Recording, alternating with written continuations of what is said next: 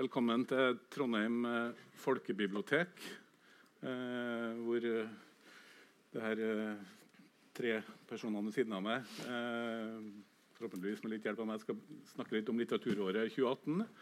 Eh, og så eh, se litt fremover. Det her skal foregå i to bolker med en liten pause imellom. sånn at Planen er at vi nå skal holde på først eh, ca. tre kvarter og snakke om tendenser og fra hvert hver av eh, mitt utmerkede panels eh, synspunkt og oppsummering av året. Og så skal vi ha en kort pause hvor vi blant annet skal minnes noen av de forfatterne som gikk bort i løpet av 2018.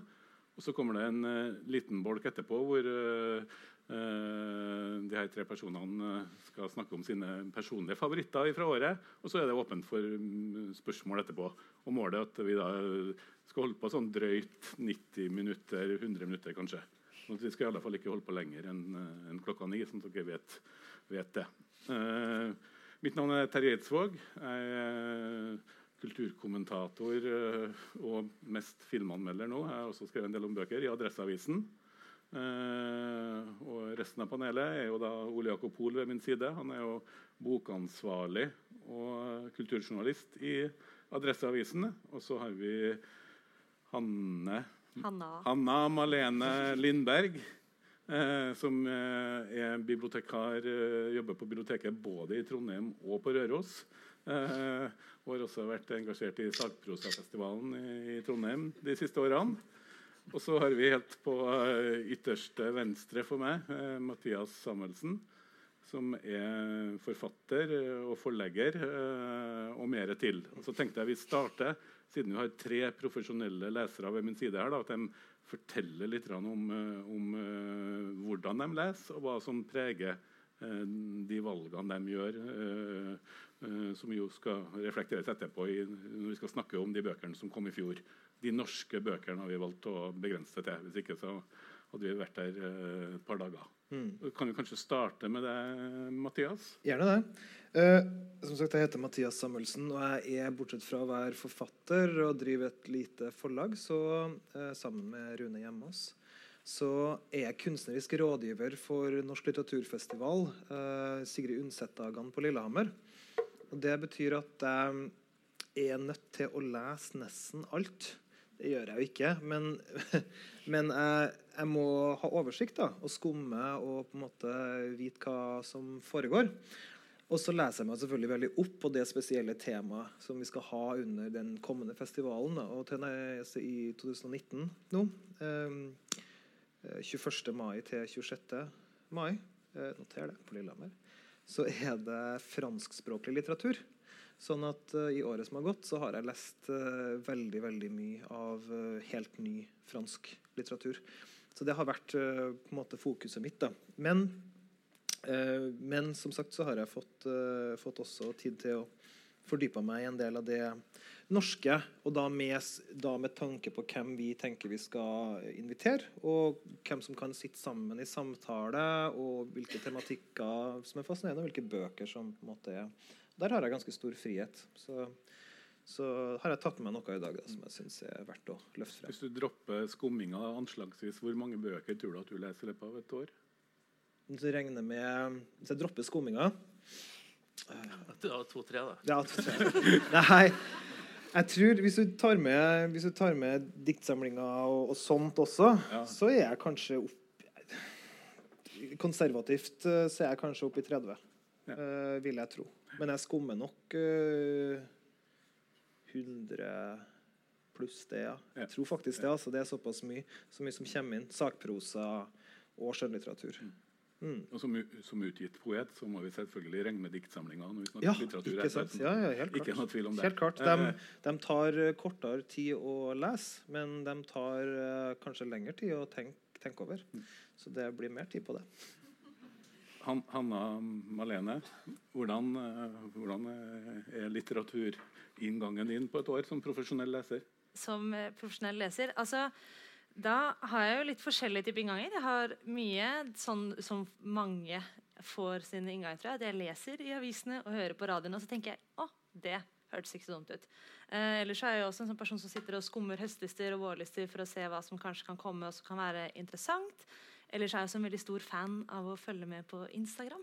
Eh, jeg følger sånne forfattere jeg liker godt, eh, som tipser om andre forfattere, eller som ting de skriver selv, eller viser fram skriveprosessen sin. Eller så får man sånn backside information. Det synes jeg er veldig, veldig gøy. Så det er faktisk en måte eh, jeg jobber meg fram til å finne litteratur på. Men ellers så har jeg jo i året som har gått, så har jeg vært sjef for Sakprosfestivalen i Trondheim. Så da har det vært en del sakprosa, men egentlig også enda mer fra årene før 2018. For jeg satt i juryen til NTNUs litteraturpris, og da var det da verk eh, sakprosaverk som er utgitt i Trøndelag i 2016 og 2017. Så der har jeg skummet en god haug. Um, utover det så jobber jeg jo, som du sa, på Røros og på Trondheim. Og I tillegg så har jeg da vært denne sakprosessering og er med i noe som heter Litterært kollektiv. Så jeg har mange sånne forskjellige småjobber eller oppdrag på siden. Så jeg må innrømme at i 2018 dere kan jo liksom se litt på, var det, Siden jeg også jobber i bibliotek, De fleste bøkene jeg leste i 2018, lånte jeg på biblioteket. Jeg eier veldig få, så jeg har ikke så mange jeg kan ta med. Men dere ser at de er ganske korte. Eh, det er en konsekvens av sånn Hva kan du lese på en tretimers busstur til Røros? Da kan du lese en sånn bok.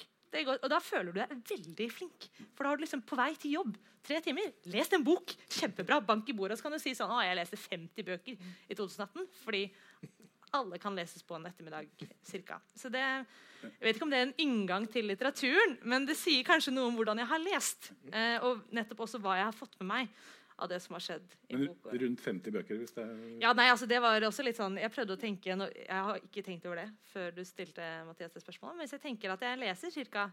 en bok i uka på bussen enten til eller fra Røros, og så er det noen som jeg leser bare på bussen, og noen som jeg bruker også helga, og sånn på, så vil jeg tro at en i uka kan sikkert mm. være passende. Og så jeg også liker godt å lese diktsamlinger.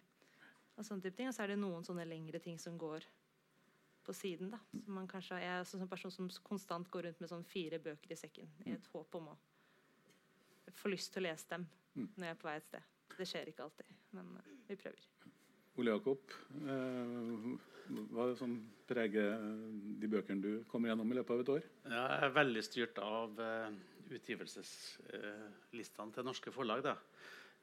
og det er nå styrt av jobben min igjen dels jobber jeg som anmelder sjøl. Så jeg leser jo veldig mange faste forfattere, kan du si, pluss nye. Og så har jeg ansvar for å velge ut uh, totaliteten av, av, bøker vi anmelder og sender ut til andre. Uh, så leser jeg en del bøker når jeg også intervjuer forfattere. Da, da leser jeg bøkene i forkant av det. Og så jobber jeg litt sånn, sånn i, i, forhold til kritikerlaget. Så har jeg både ju, hatt juryarbeid for, for Brageprisen og, og Ungdommens kritikerpris de siste årene. Og da, da leser jeg jo de bøkene som er nominert. Så, jeg, så jeg, jeg, leser mye sånn av mainstreamen av eh, anerkjente norske bøker, og mye solgte. da. Eh, så leser jeg veldig ofte, eller så veldig konsentrert i forkant av, eh, av høst og vår. Det, før så satt jeg med sånne stabler av, av fire ark eh, på strendene rundt omkring og, og leste. Nå, nå leser jeg på iPad som regel, men det, det, blir veldig lite fysiske bøker etter hvert. Omtrent hvor mange i året vil du anslå at du kom gjennom? da? Eh, nei, øh, jeg leser godt over 50, tror jeg. Uh, så er en, nesten halvparten av det krim. Da. Det kan jo være litt enklere å, å lese. Det virker jo som dere treene uh, utfyller hverandre, og dere til sammen fyller et ganske stort spekter av, uh, av Men likevel så blir det en liten brøkdel. Det er ikke sånn oppdatert statistikk, men uh, de siste tallene jeg fant for hvor mange skjønnlitterære bøker som utgis for voksne i Norge, sett ut ifra uh, søknader til Kulturrådet for biblioteksvederlag, uh, så var det på rundt 170. og så kommer jo i tillegg Anna Malena, som leser, leser mye sak Uh, Marlene som leser mye sakprosa. Så kommer jo i tillegg. sånn at uh, Det er jo mange bøker som er utgitt som ikke vi skal snakke om her i kveld. Men uh, hvis man ser på 2018, da, så har det jo vært snakk om mange ulike tendenser. blitt mindre snakk om virkelighetslitteratur, mer snakk kanskje om periode var det snakk om barselsbøker, og det har vært snakk om historisk litteratur. Eh, de to bo største bokprisene i Norge, i alle fall to av de største, eh, gikk vel henholdsvis til, til Tore Kveven. med en historisk roman fra 1200-tallet. og Simon Stranger fikk vel bokhandlerprisen fra en uh, roman om utspillet seg under krigen i, i Trondheim. Men uh, hvis vi tar en liten runde på det, hvordan har 2018 vært for dere litterært når det gjelder norsk litteratur? Mathias? Jeg er liksom glad for at vi ser ut som vi begynner å bli ferdig med denne virkelighetslitteraturen. Um, altså, litteraturen vil jo alltid ha en, et blikk til virkeligheten. og hva er noe egentlig virkelig virkelighetslitteratur, Men den her veldig utprega knausgårdske eh, trampinga i på en måte eget liv og, og på en måte brødskiveskjæring og på en måte sånn her, den begynner å bli over. over da. Altså, ting spisser seg, og man begynner kanskje å kommentere litt mer den virkeligheten som man før bare for, for et år eller to siden bare skrev gjennom. Det som har gleda meg kanskje mest i år på prosasida, det er en sånn eh, det er en sånn eh, altså, eh, spekulativ realisme. Sånn det, altså, det blir ikke helt riktig, å kalle det sci-fi, men, men, det er en sånn, altså, sånn eh, historie som er litt på sida. Så jeg har jo tatt med to som eksemplifiserer det. altså 'Presens maskin' av Gunhild eh, Øyhaug. Um, som um, handler om ei som sitter på en veranda og leser en svensk diktsamling. og Så leser jeg et ord feil, og så revner tida. sånn at livet hennes splitter seg i to uh, deler. Uh, jeg kan si, altså, For dere som har et sånn godt øye til liksom, Kjartan Fløgstad, og sånn, så kan den på en måte være noe Men altså, Øyehaug er Øyehaug. da, Hun har alltid jobba med den typen ting. Men den som overraska kanskje mest, var Tarangina Raja sin 'Det er lenge til skumring', som er en Hun er debutant, og hun er fra altså, Familien hennes er tamiler fra Sri Lanka. Og hun er vokst opp på Vestlandet, skriver på nynorsk. Og boka handler om etterdønningene etter en sånn slags borgerkrig hvor nordmenn har eh, prøvd å utrydde samene. Så FN har kommet inn for å lage en egen stat i Nord-Norge. Eh, altså for, dem som da eh, altså på en måte tenkte allerede at det her har litt sånn med dere tamilske separatistene og sånn, så har det kanskje det. Eh, men det er i hvert fall en glimrende bok fortalt i, altså, i nesten sånn antiknausgårdsk. Altså sånn korte ikke sant? Altså, altså, det her er rykende bra prosa, da, men veldig snevert, veldig billedtett på en måte, om en sånn flukt da, eh, som en mor og datter har for å komme seg på en måte opp til Nord-Norge. Så Det er to eksempler på det jeg liksom, syns har vært forfriskende. Da, det er interessant at du nevner akkurat de to bøkene. fordi at uh, uh, Det er jo to, to, bøker som har blitt en del omtalt i Norge. Mm. Det er jo vanskeligere kanskje også for uh, Kanskje særlig for sånn forfattere med bok nummer to. Eh, fortsatt så er det mange debutanter som omtales. Mm. Men jeg, mitt minne av uh, mottagelsen til bøkene her var at det var litt sånn blanda. Ja. Uh, Ole Jakob, du anmeldte vel uh, Gunhild Øyehaug i Adresseavisen? gjorde du det? Det gjorde jeg. Du var ikke, helt, du var ikke like fornøyd som Mathias med den, nå? Nei, men jeg, jeg, er utrolig fascinert og, og glad i Gunhild Øyehaug, som jeg syns skriver Eh, nettopp i det Mathias nevner, i, i, liksom i, i, grenselandet mellom hva som er realistisk og fantasy, og mellom eh, det rene vås og intellektuell, akademisk mm. grunnlagt. Eh, hun minner meg både om Ragnar Hovland og ikke minst en, en Rikard Brautigan, som jeg er utrolig ja. glad i i utgangspunktet. Men eh, jeg syns det er et helt fantastisk anslag. Altså det, det, det, det, tar lang tid før du skjønner helt eh, de to virkelighetene. Også. Når du endelig har skjønt det, og, og historien virkelig kan starte, så slutter det. Og det, det, kan være morsomt, men jeg, jeg likte ikke denne gangen her. Jeg tenker at det, det, det tyder på at du Enten at jeg ikke orker, eller at jeg ikke får, det, til. Jeg tenker at Det der får jeg ikke til ennå. Det har jeg ikke lært ennå. Å bygge ut en historie. Ja. Men hva skulle, altså, sånn, altså, jeg, jeg, er enig med deg i på en måte lesninga di, altså, men, men, men altså, hva skulle ha skjedd? Tenkte, for, altså, hva, hva, skulle hun ha gjort? liksom? Det må jo bare slutte, for det er jo ikke noe å gjøre med det.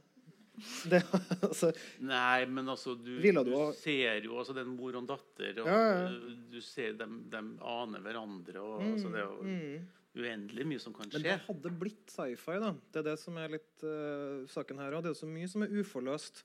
Og det er også et tegn i litteraturen kanskje nå da synes jeg at det er veldig mange ting som ikke får noen noen naturlig altså Historiene er jo, historiene er jo ferdig og død, det er jo fake news, og, og man kan ikke tro på noe lenger.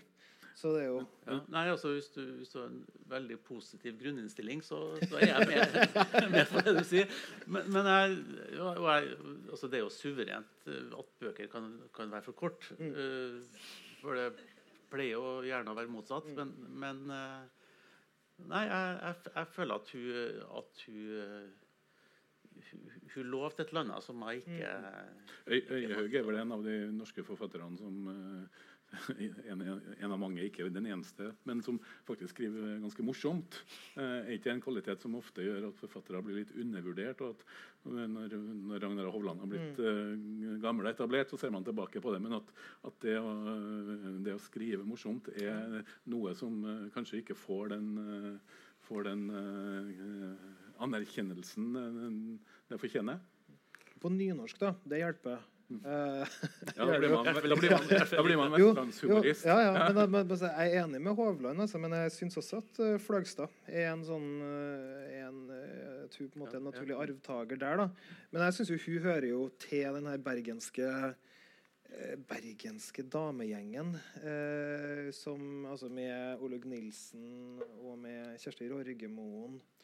Eh, Agnes Ravatn. Altså Alle de her da, som er veldig morsomme og veldig sånn skarpe. Liksom. Altså, de, de har det her kvasse eh, blikket. da. Mm. Men den Rasha-boka Mm. eh, som du var innom, da, den, den har jeg ikke lest. Men eh, når jeg leste den anmeldelsen som jeg husker fra den i Aftenposten, Mm. så, så, så mista jeg litt lysten på å lese den. For da, der var det liksom et signalordet eh, som jeg kanskje eh, som anmelder selv senere at jeg bruker det. Men det er kanskje et av de største turnoff-ordene jeg vet om når jeg leser om enten det er litteratur eller film. Nemlig at den er velment. Det var liksom eh, noe velment debut. Ja, det, det er egentlig en av de mest sånn eh, de største fornærmelsene jeg kan eh, tenke meg hvis jeg hadde Ja. vært den debutanten og fått det som etikett klistra over. eh, Jeg, jeg skal liksom kjenne meg sjøl på, på, altså på gangen. Altså. Og jeg skal si at det kan være at jeg syns den er veldig bra skrevet. Og at det kan ha mye med det at det hadde vært samme for meg. Hva den egentlig hadde handla om. Det er bare et pluss at det er litt sånn far out. At det egentlig er språket inne jeg liker veldig godt. Mm. Men jeg tror, tror du har et stort poeng der med, med humor. Da, da kom jeg på fra fjoråret Ellen Lo, 'Den dyrene i Afrika'. Hvis ikke den hadde vært så utrolig morsom, så tror jeg hadde, flere hadde skjønt at den er en veldig bra bok. Da. Nettopp. Eh, Hanna Malene, da, hvordan var det litterære livet på bussen eh, for deg i 20, 2018? Det litterære livet på bussen det var eh, også veldig fint. Eh, jeg har også med en, en, eh, en nynorsk, ikke fra Bergensligaen, da, eh, men også ganske morsom dame som heter Kristin Fridtun. eh, Som er en del av en av de tingene jeg tror jeg har banket mest gjennom av folk som har spurt meg om 2018 den høsten. Og det er Samlaget sin Norsk røyndomsserie. Som er en serie hvor de har bedt forskjellige forfattere om å skrive om viktige temaer i den norske samtiden. Det er altså sånn det kan høres veldig velmenende ut, og et prosjekt som kan drepe seg selv i døra. Men jeg synes virkelig ikke de gjør det. Um, det har kommet syv, tror jeg. Ja, jeg tror syv syv um, utgivelser i denne serien. Alle sammen er på rundt 80 sider og skrevet av forskjellige da, forfattere og samfunnsdebattanter eh, om forskjellige tema. Dette er da Kristin Fritid som skriver om homofloker, om det å være homofil og tar liksom et historisk gjennomgang og også personlig inngang. Det er en veldig fin serie. Sånn, vi er kanskje ferdig med litt sånn den virkelighetslitteraturen i, i skjønnlitteraturen, men i sakprosa så er det nettopp den personlige inngangen. Den er veldig til stede i veldig mye av det jeg har lest. Det er veldig mye sånn dette er fakta, men det er sett fra min side, og jeg prøver ikke å si at dette er noe allment. Og at man får sånne små smakebiter av verden. Og det er det man får i den eh, samlageserien, som jeg syns er veldig, veldig fin. Og altså, akkurat Fritun er også veldig morsom. Jeg har lest eh, to andre også i den serien. Det er Sumaya Jirde Ali og Kamara Lundestad Juf. Og de er kanskje ikke så morsomme. Det er ikke sånn at du sitter og flirer på samme, samme vis, men de er også veldig fint skrevet. Jeg syns de gir veldig gode innblikk. Det er vel, grunn til å merke, Jeg anbefaler publikum å merke seg norsk røyndom, men Mm. samtidig ikke finne på å gå i bokhandelen og lete etter noen bøker det står norsk røyndom på. For den, den eneste jeg har lest i den serien der, som var Kamara Joff sin, Mm. eh, så står det ikke norsk røyndom noe sted. Så det er en litt sånn implisitt serie, men det er også en interessant serie fordi at den synes jeg problematiserer. Nå har det blitt veldig inn de siste årene å skylde på identitetspolitikk. Mens, eh, mens eh, i alle fall eh, den, den boka til, til Kamara, som jo handler om norsk rasisme, eh, eh, understreker i hvert fall for meg hvor viktig det er, og, hvor identitet faktisk også er. Og så legg, legg til altså, Alf Kjetil Valgen, Mm. sin, sin som handler om det å miste et barn. Mm. Um, som også er en veldig sterk bok. Da er så, uh, uh, jeg så fint du tok med, for jeg, det, jeg har liksom tenkt mye på at det er så kult at pamflettformen Mm. har kommet tilbake. Altså, nå driver også Spartacus og planlegger en sånn type pamflettting. Uh. Og midt oppi systemet med liksom blogger og sosiale medier og altså alt, alt det her, da, så er det ganske unge forfattere. Tar seg tid til å sette seg ned og skrive i et format som man ikke har skrevet i på siden 70-tallet. Liksom. Eh, som gjør det veldig bra, da, og som gjør det på, med tematikker som vi trenger å få litt mer utdypende enn en artikkel. Eller, men kanskje ikke så langt som en bok. da. Ja, nei, jeg synes den er veldig, og Det er jo faktisk ikke den eneste sånn pamflett. Det, dette er også en av greiene at Når jeg står fast i lesingen, så liker jeg også veldig godt dette er, det er en serie. Selv om det ikke står norsk røyndom på den, så er alle bøkene sånn cirka likt format. Synes de er veldig vakre. Det er også en veldig pluss i min verden. Jeg går etter coveret på bøker. Det skal man ikke gjøre. Jeg gjør det. Eh, Mm, også, men da har vi også sånn, hvis vi snakker om pamflett, da, så har jeg også begynt å lese, ikke kommet gjennom ennå, Anne Bitch 'Brev til en ufødt datter'. Der har vi pamflettverden. Eh, oktober, altså så Dette her er Samlaget. Dette er Spartacus. Um, oktober har en lese-skrive-serie hvor de har bedt forskjellige forfattere om å skrive om hvordan de arbeider med tekst. Og Der har Ingrid Aanestad kommet med en bok, Knausgård har kommet med en bok, og Holter Larsen har kommet med en bok. Og Da har jeg bare lest Knausgård sin, men da leste jeg den, og så har jeg også lest Ane Farsetås sin bok om grenseverdier og det som ligger mellom eh, sakprosa og skjønnlitteratur.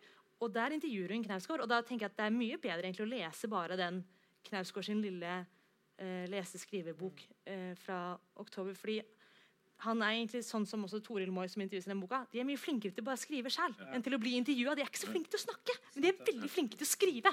Så det er mye bedre å gå rett til dem. Og det å ha sånne type serier De neste som kommer i lese- og skriveserien, er Eline Lund Fjern og Kjersti Annesdatter Skomsvold. Så det er veldig sånn da, at man får en ramme, og så kan man bare liksom flyte inn i den og få forskjellig innhold.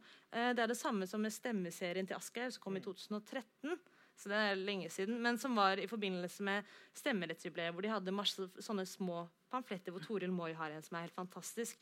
Og jeg synes det å jobbe på den måten er så fint, også fordi i den samlagsserien nå så har de også Bjørn Hatterud, som har skrevet 'Mot normalt'. En som er ryggmargsbrokk og i tillegg er skeiv, og så skriver han om sin eh, virkelighet. Jeg har ikke lest den, men jeg har lest Jan Grue, som har skrevet 'Jeg lever et liv som ligner deres', som også er sånn hvordan man lever som funksjonshemmet. Og jeg tror det er veldig godt å ha sånne rammer som man liksom kan følge, og så får man sånne små drypp av virkeligheten som passer perfekt på en busstur. Jeg tror det er mange som har, har nytte av en sånn, liten sånn bussturdrypp av en virkelighet som er noe annet enn den vi går og trasker i alle sammen hver dag. Altså, det er veldig deilig.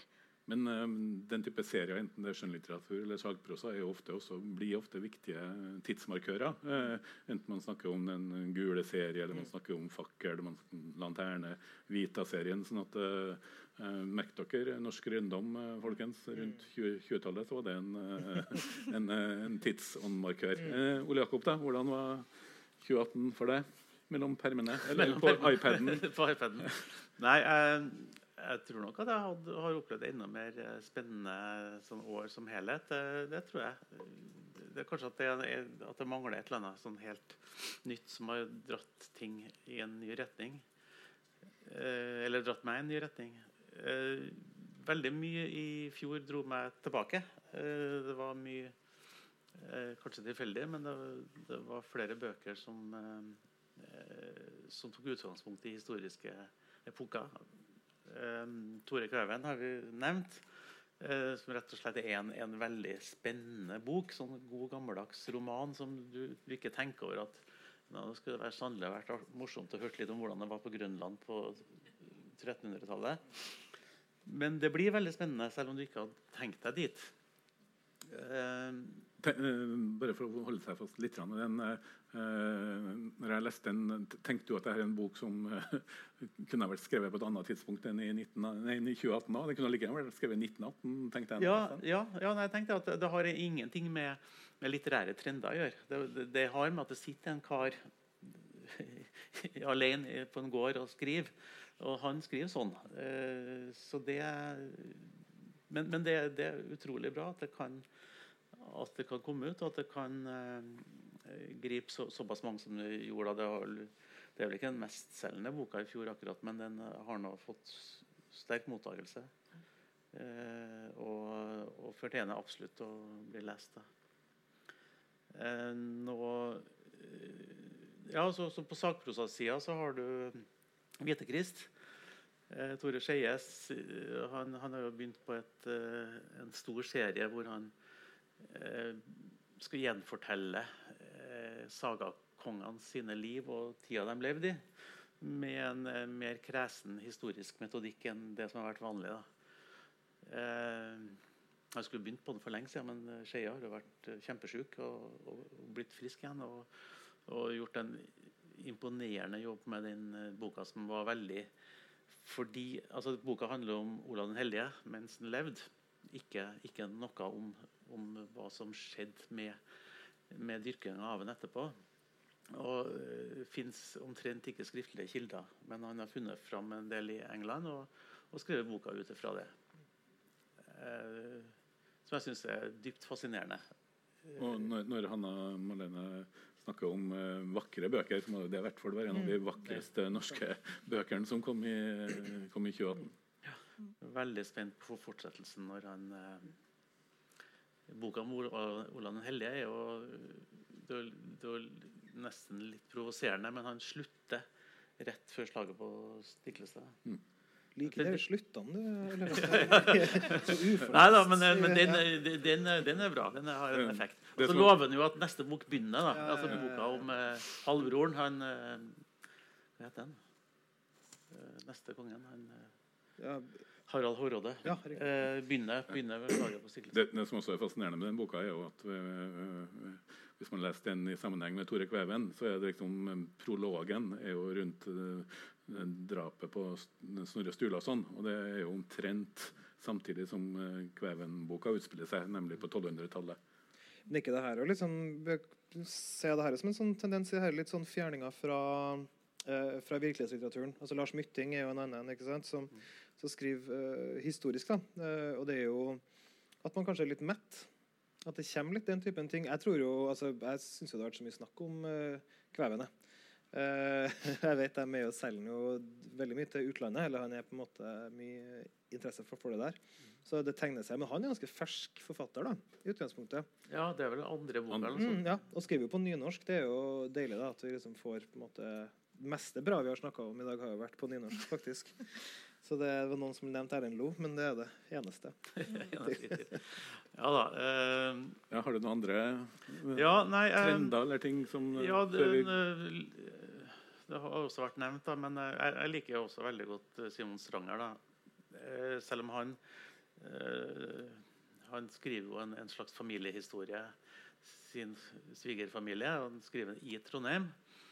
Eh, En fascinerende måte å, å formidle krigshistorie på.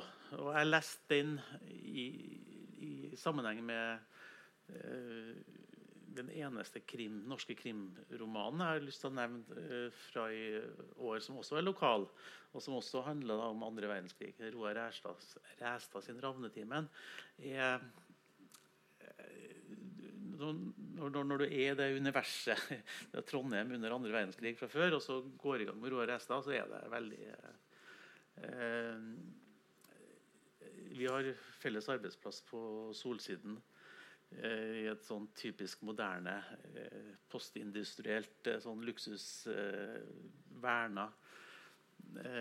område. Praktbygg, ja, men den, den tenker jeg på he hele Solsiden. da. Men boka til Roar Ræstad starter var det, i, ja, altså under et bombeangrep da, under krigen, hvor ak akkurat det området da, hvor folk er, er, er i panikk, springer alle kanter, og, og livene deres er 100 reelt trua. Eh, det får meg til å tenke på hvor eh, altså, Sammen med når du tenker på alt det som skjer rundt ellers i verden nå, altså hvor hvor trygge vi føler oss, men hvor utrygge vi bør føle oss. Altså, det her er ikke noe mer enn 70 år siden så var så situasjonen helt annen. og Det, det er noe god litteratur kan mm. gjøre med deg, at du kan sette ditt eget liv i sammenheng. Da. Og Det kan også krim gjøre.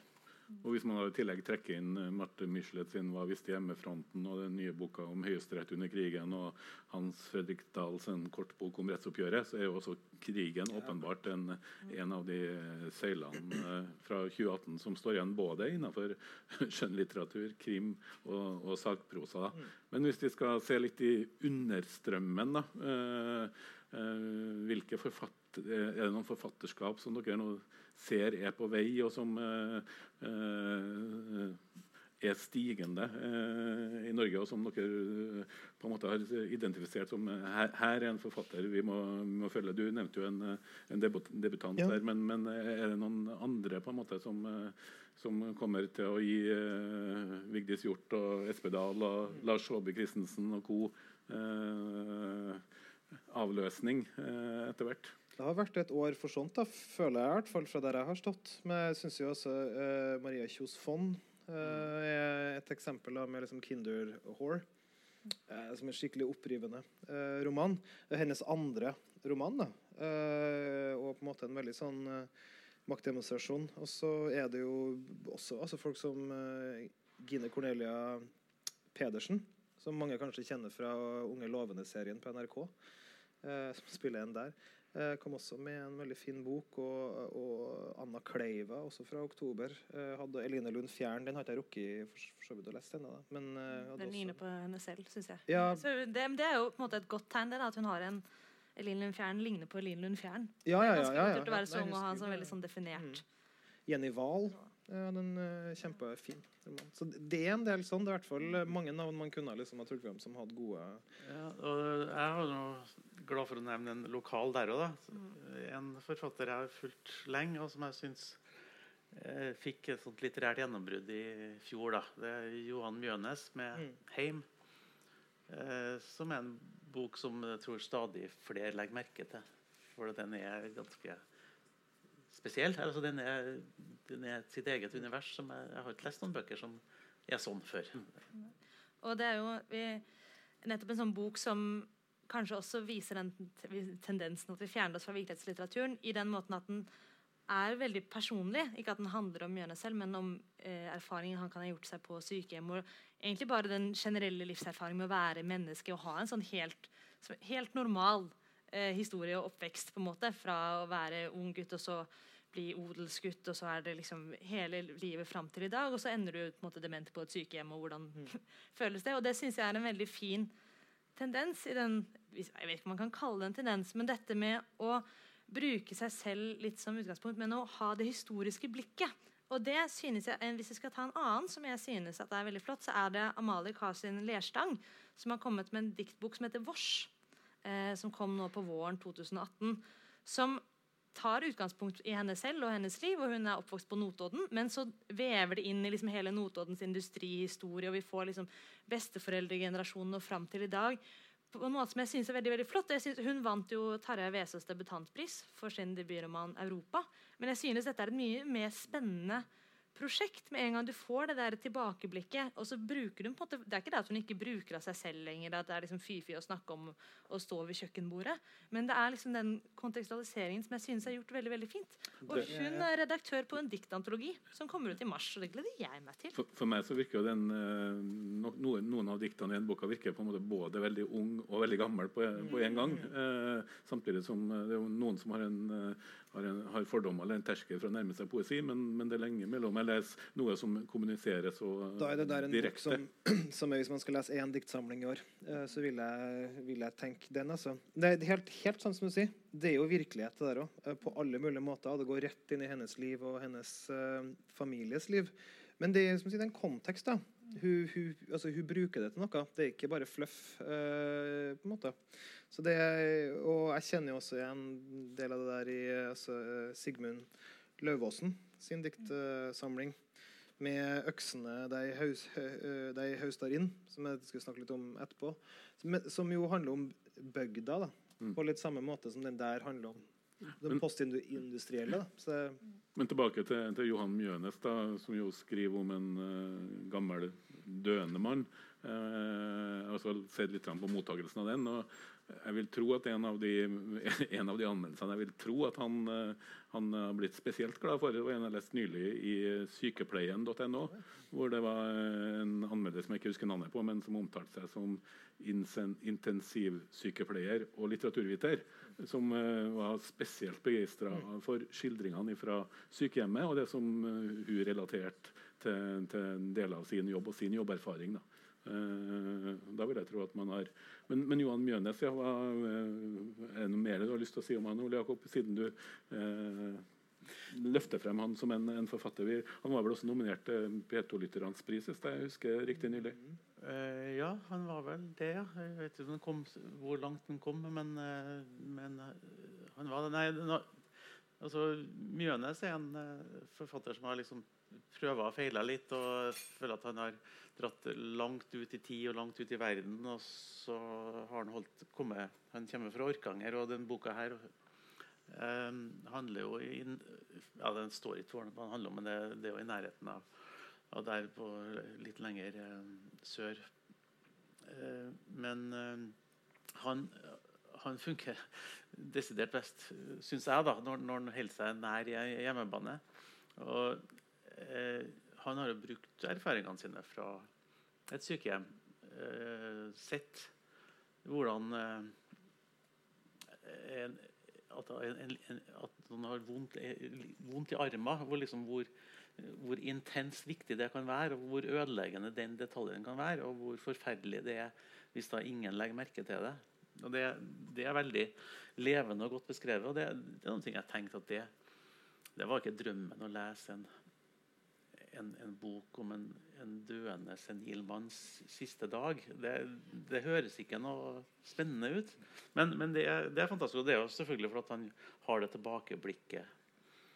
Eh, vi snakka litt om det i, i sted, og du, du snakka mye om det generasjonsaspektet. Om hans sin Det, det er en he, ganske vanlig norsk eh, mann her, som, som, liksom ikke Det er ikke noe eksepsjonelt med livet hans, men han var litt han hadde litt andre verdier enn faren sin, og han får unger som har litt andre verdier enn han.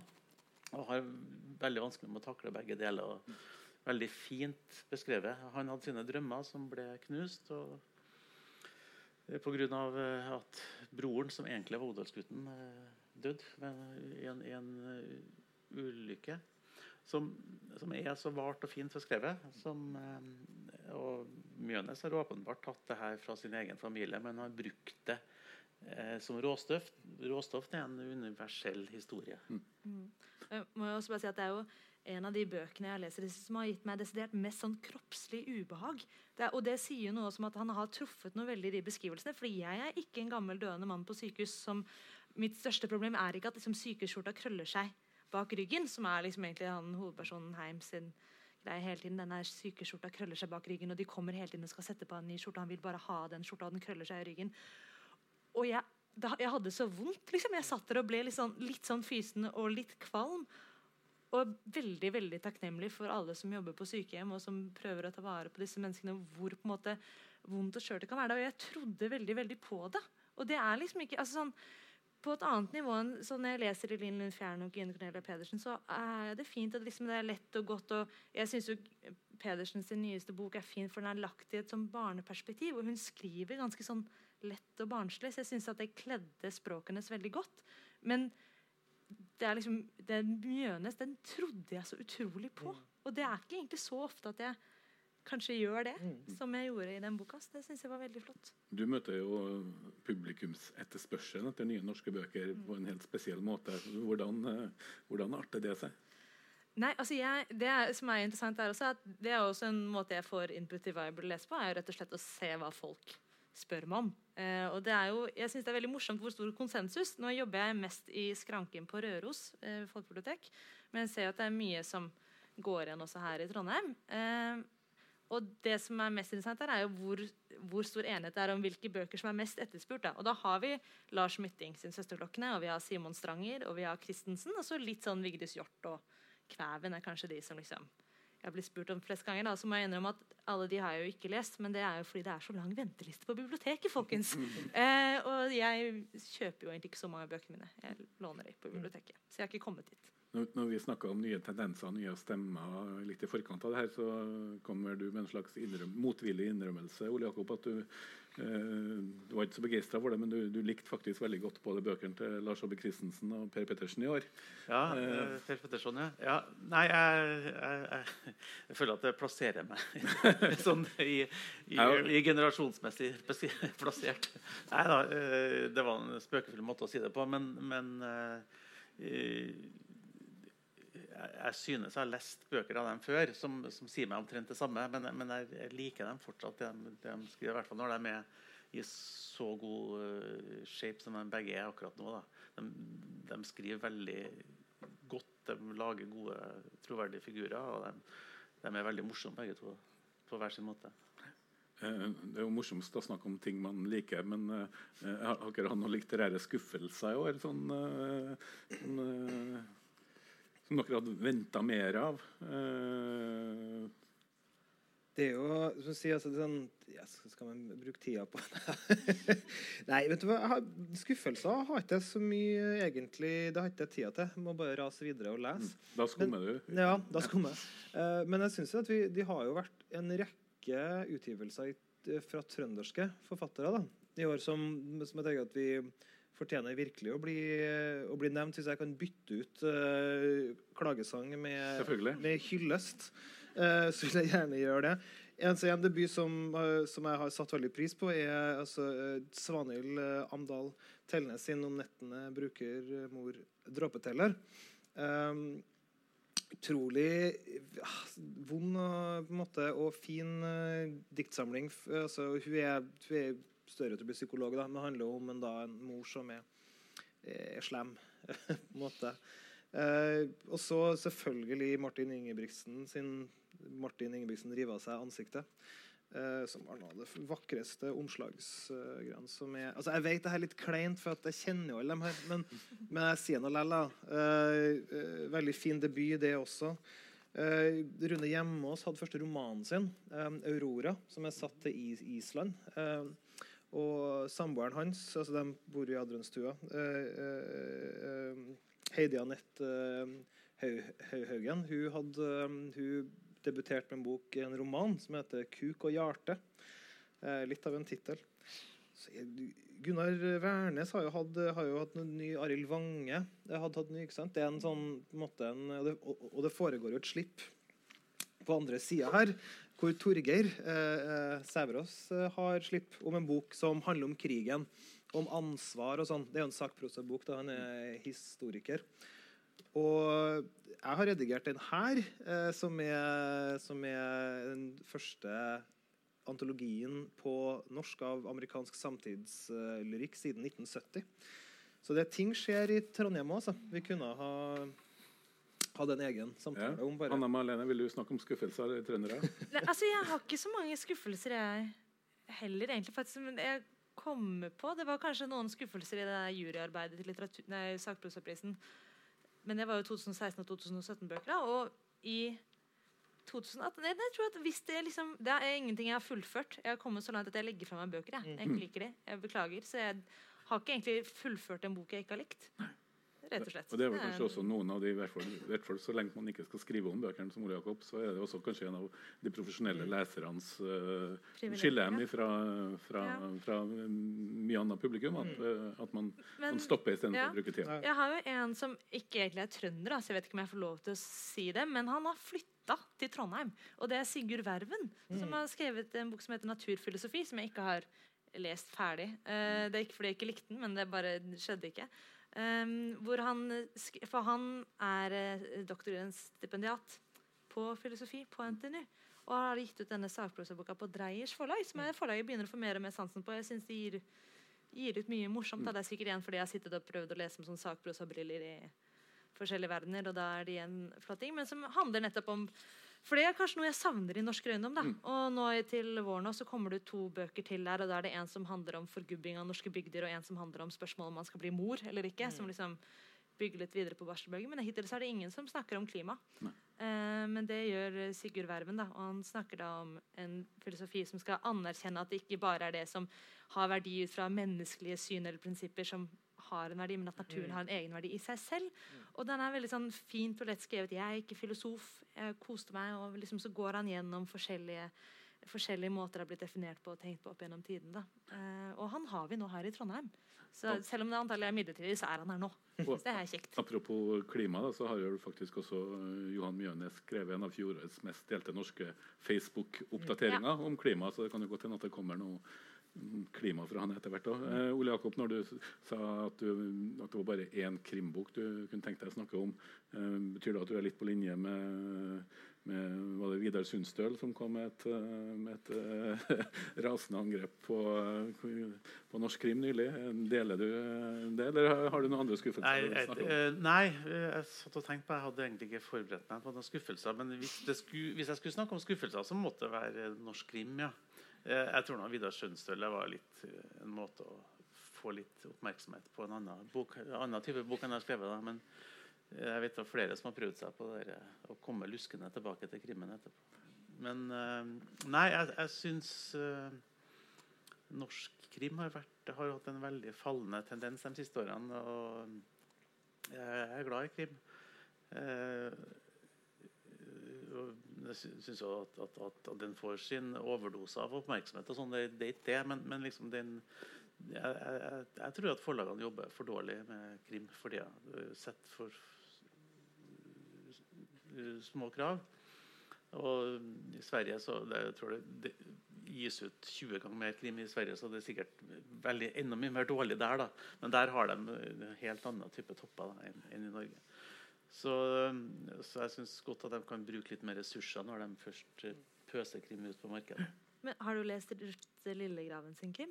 Ja, har du det? For den har jeg veldig Nei, den, har skikkelig jeg, trua på. den uh, har jeg ikke lest. Nei. Nei, for Det, bare- det syns jeg er veldig morsomt. Dette er sånn, fordi også det Folk spør om tips på biblioteket. Og det er iblant jeg er litt dårlig på å gi, særlig da krim. Det har jeg ikke lest på ganske mange år. Men Ruth Lillegraven nemlig, hun er en forfatter som kanskje er mest kjent for å gi ut poesi. Hun ga eh, og også en god del sånn barnedikt. gir hun ut. Um, og I år så har hun gitt ut en barnediktbok, et teaterstykke og en krimbok. Som ifølge leserne på Røros bibliotek er helt fantastisk. Og den er liksom sånn, nå, da jeg, den er den første krimboka på lenge jeg har skikkelig lyst til å lese. Så den har jeg litt trua på at kanskje er litt god kvalitet. Nei, Nei. den tror jeg vi må lese. Jeg har jo, altså det er sånn, det er sjelden jeg liksom har tid til å sette meg ned og lese krim. Jeg hører det gjerne på lydbok eh, når jeg først gjør det. Og det er veldig fint når man gjør ting og alt sånt. Men en krimopplevelse jeg hadde i år som jeg likte veldig godt, var uh, Pia Glumet. Eh, som det meste er oversatt til norsk, eh, tror jeg faktisk. eh, en rekke romaner som har sånne damenavn. Eller eh, jentenavn, eller hva skal si. Eh, men som er litt på sida. Veldig godt skrevet. Veldig hardkokt.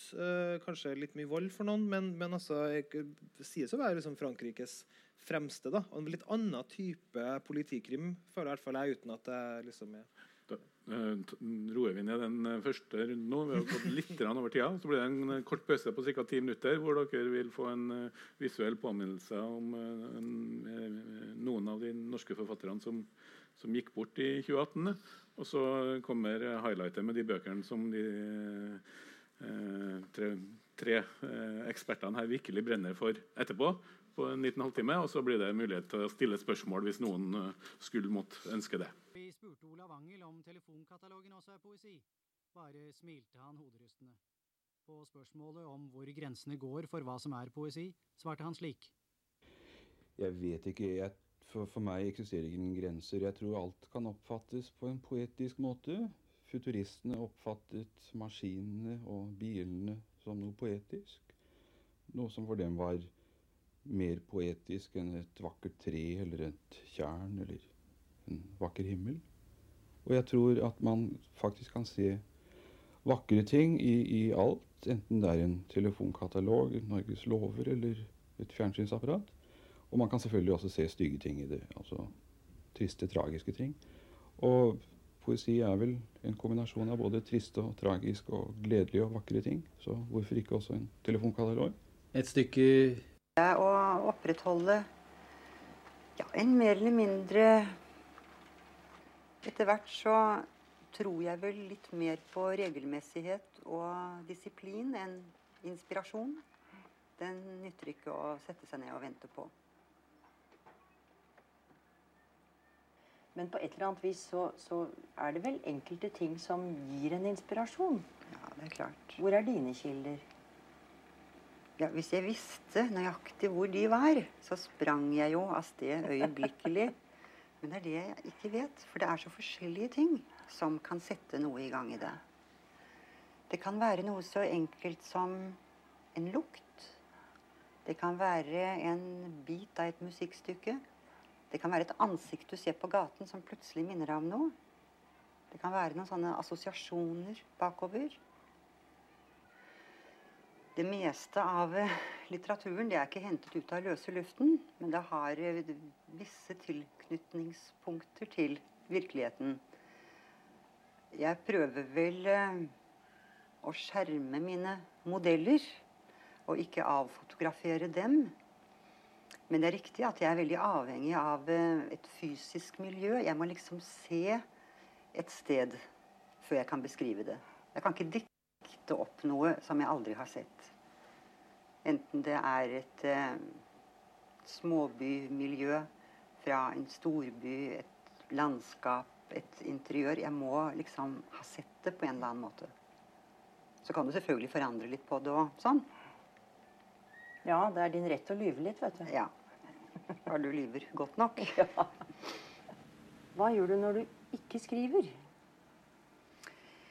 Nei, da, da gjør jeg noe annet. Når jeg liksom merker at uh, det stanser opp, og at det liksom bare går på vilje Da blir det noe sånn mekanisk i det som uh, ikke er helt bra. Da ja, Jeg går en tur. Jeg sykler. Jeg uh, steller i haven. Jeg maler en kommode, og jeg har malt masse kommoder og kasser og greier. Og så reiser jeg litt, og så går jeg på kino og snakker med mennesker og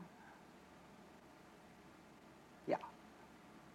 Gjør noe annet, for da kanskje du Det er noe som arbeider et eller annet sted inni deg, og så plutselig så har du det. Sånn var det jeg skulle gjøre det, ja.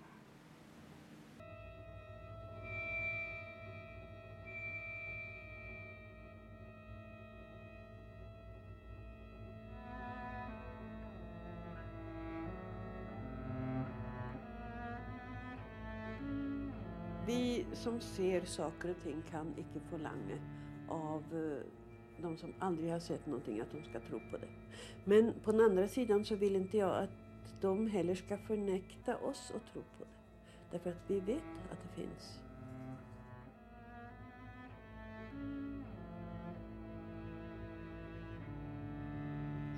Men eh, jag har ju fått vara med om en massa experiment och jag har eh, upplevt en massa saker. Men jag känner det som om jag bara har glöttat på en dörr till någonting som är mycket, mycket stort.